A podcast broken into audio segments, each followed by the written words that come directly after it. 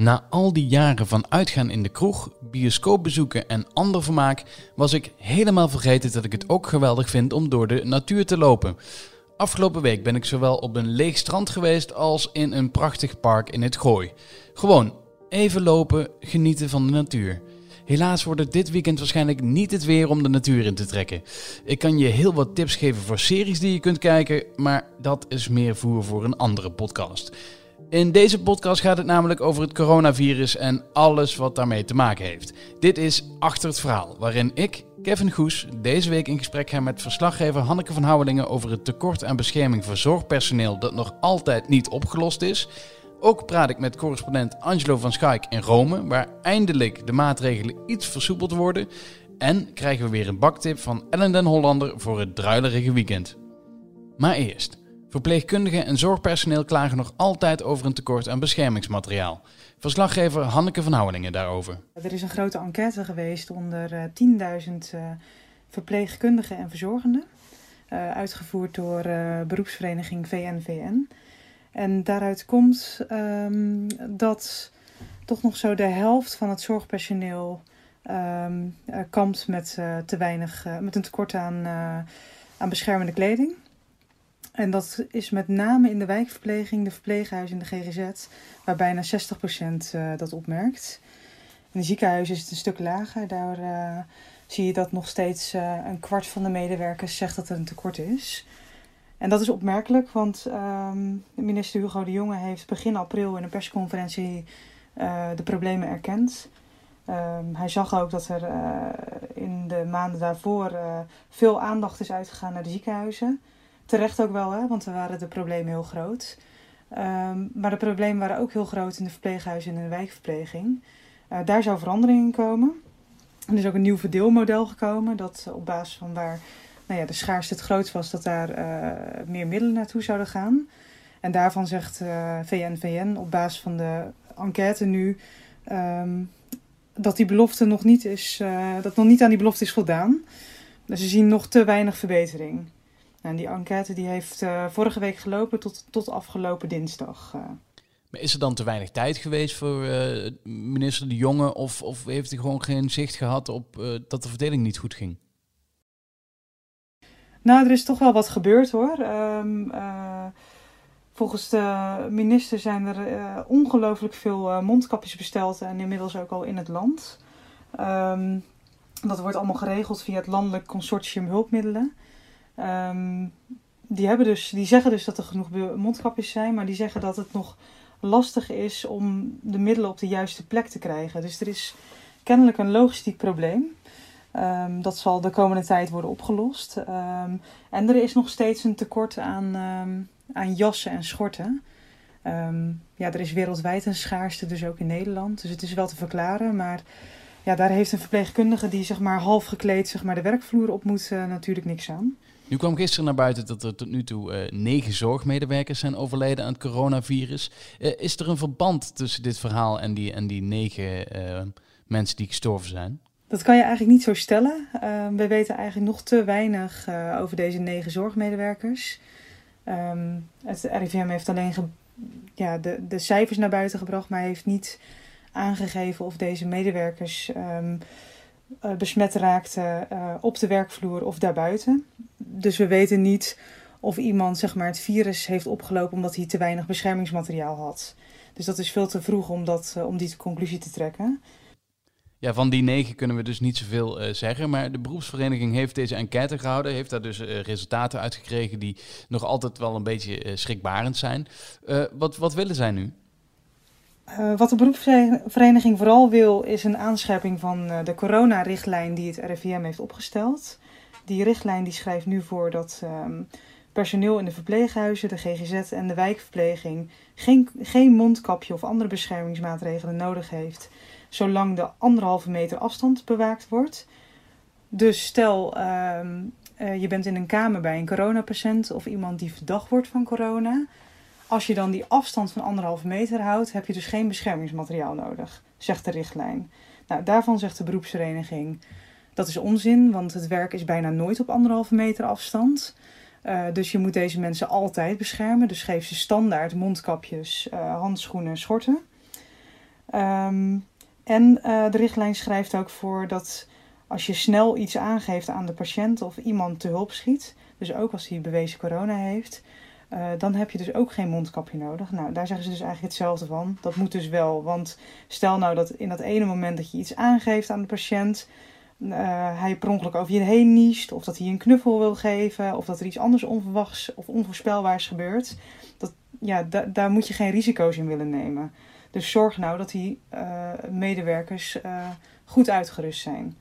Dat is het pleidooi van, van de beroepsvereniging ander verhaal dan, uh, Hanneke. Uh, vorige week had ik voor deze podcast contact met uh, Chris van Mersbergen. Die had een verhaal opgenomen met Lydia Oostvogels. Zij werkt bij Curevac en zij waren bezig met een vaccin tegen het coronavirus.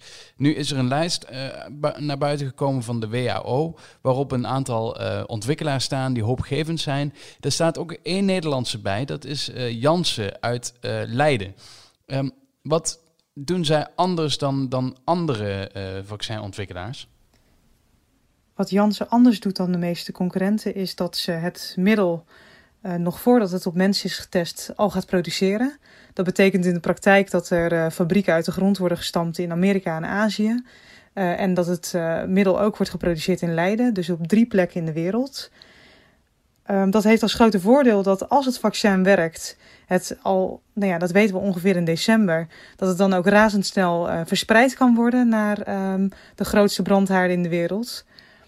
Uh, maar het heeft ook wel een heel groot nadeel. Als het vaccin namelijk niet werkt, en dat moet dus nog blijken, dan uh, moeten ze die voorraad, uh, en dat zal gaan om miljoenen dosissen, die zullen ze dan moeten vernietigen. Want het kan ofwel mensen niet goed genoeg beschermen, of mensen kunnen er zelfs zieker van worden als het vaccin niet voldoende werkt. ja, en dat is een gigantische strop voor, voor de farmaceut, als dat de uitkomst is. Dat was uh, verslaggever Hanneke van Houwelingen. Uh, dankjewel. Ja, de winkels gaan hier langzaam weer open. Uh, over twee weken mogen alle kinderen weer naar school. er vindt dus een kleine versoepeling plaats in Nederland. En ook in Italië, het land in Europa wat het zwaarste getroffen is door het coronavirus, is er een kleine versoepeling. Toch, Angelo? Ja, aanstaande maandag 4 mei worden er wat regels versoepeld, maar het gaat nog niet zo hard hoor. Uh, we mogen weer wat naar buiten. we mogen ook de kinderen meenemen naar buiten. Maar uh, we mogen uh, niet al te ver van huis nog steeds. We mogen weer gaan sporten.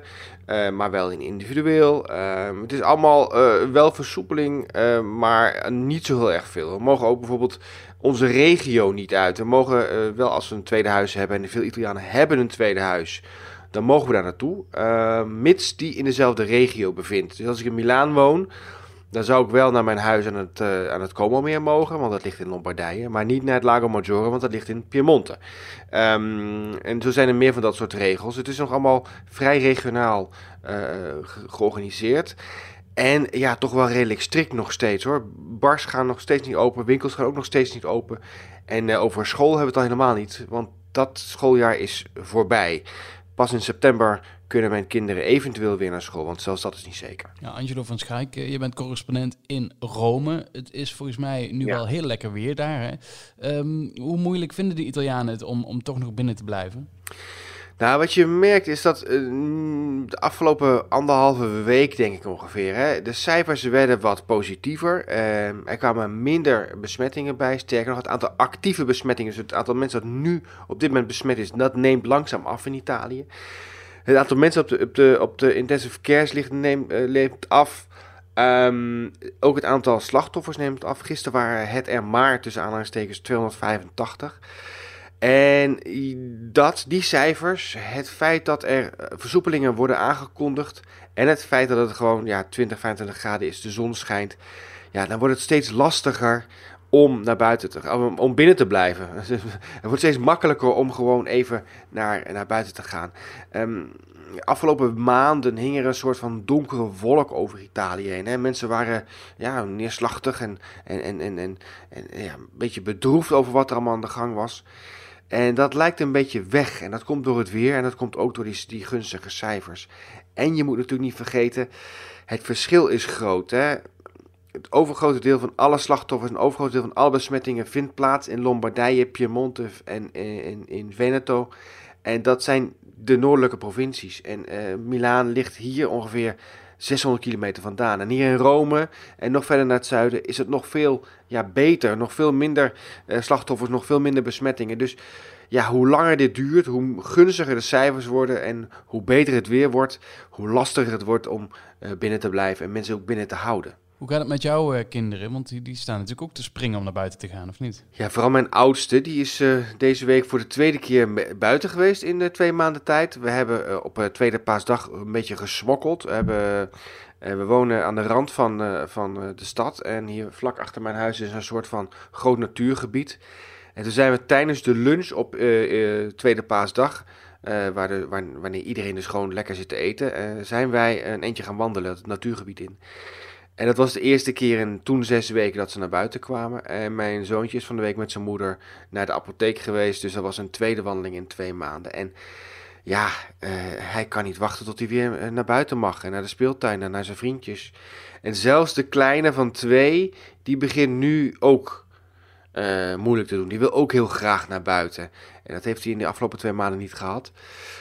Dus ja, vanaf volgende week mag ik met ze gaan wandelen. En ik denk dat ik dat ook gewoon ga doen. En misschien met die kleine wel even naar de speeltuin of zo. Maar wel met één ouder en één kind. Dus ik mag ze niet allebei tegelijk meenemen. Dus uh, het is uh, nog steeds lastig. Maar uh, er, is, er is hoop. Er is zicht op een versoepeling. Een zicht op een ja, normaal leven bijna. Ja, en dan komt volgens mij voor de Italianen de grootste uitdaging. Niet knuffelen, niet zoenen.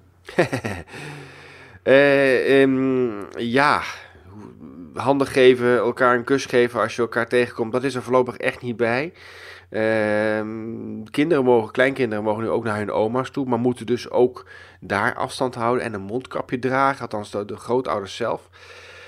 Um, dat is niet makkelijk, nee. Dat, dat, um, zoals ze hier grappend zeggen, ja, in Zweden doen ze dat op een andere manier. Maar ja, daar houden ze uit zichzelf al twee meter afstand. Ja, dus in Italië is dat gewoon, is dat gewoon ingewikkeld. Zeker hoe verder je naar het zuiden gaat, hoe lastiger dat wordt.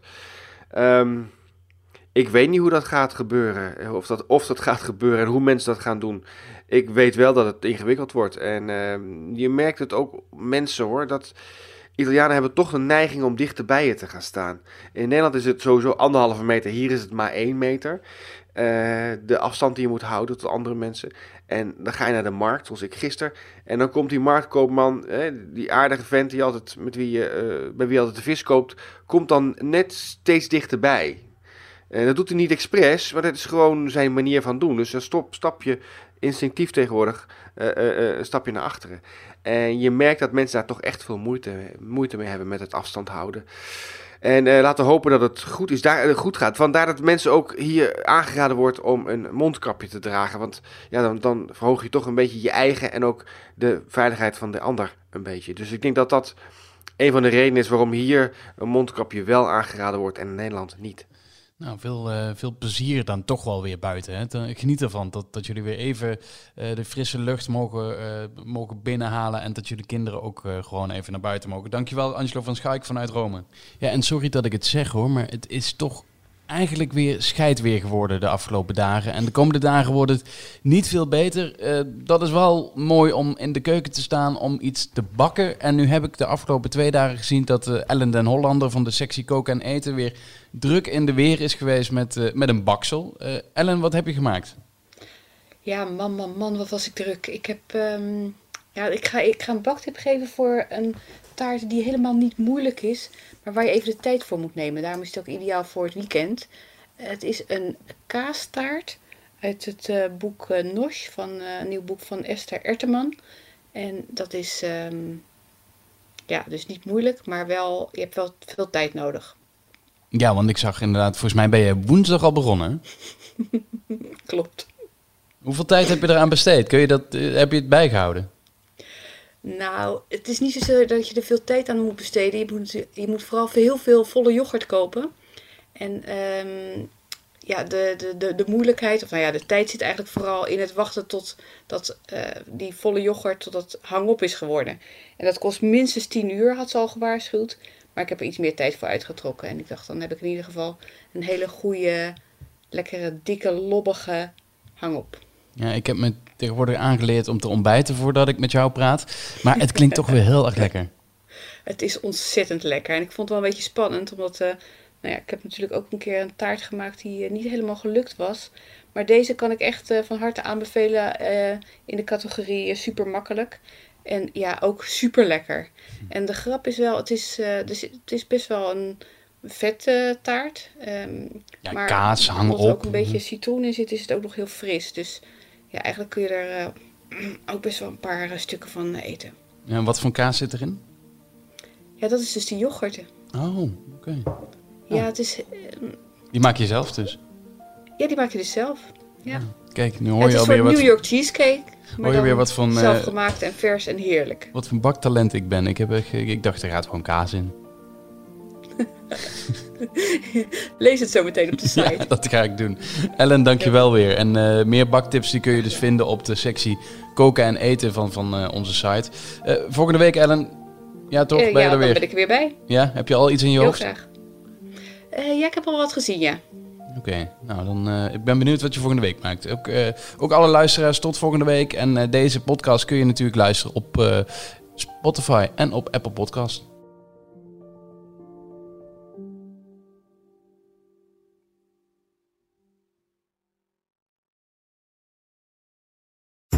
We worden dagelijks overladen met overbodige informatie. En het is moeilijk de zin van de onzin te scheiden. Daarom vertrouw ik op echte journalisten in plaats van meningen. Een krantenmens heeft het gemakkelijk. Word ook een krantenmens en lees je favoriete krant nu tot al zes weken gratis. Ga snel naar krant.nl. Bezorging stopt automatisch en op deze actie zijn actievoorwaarden van toepassing.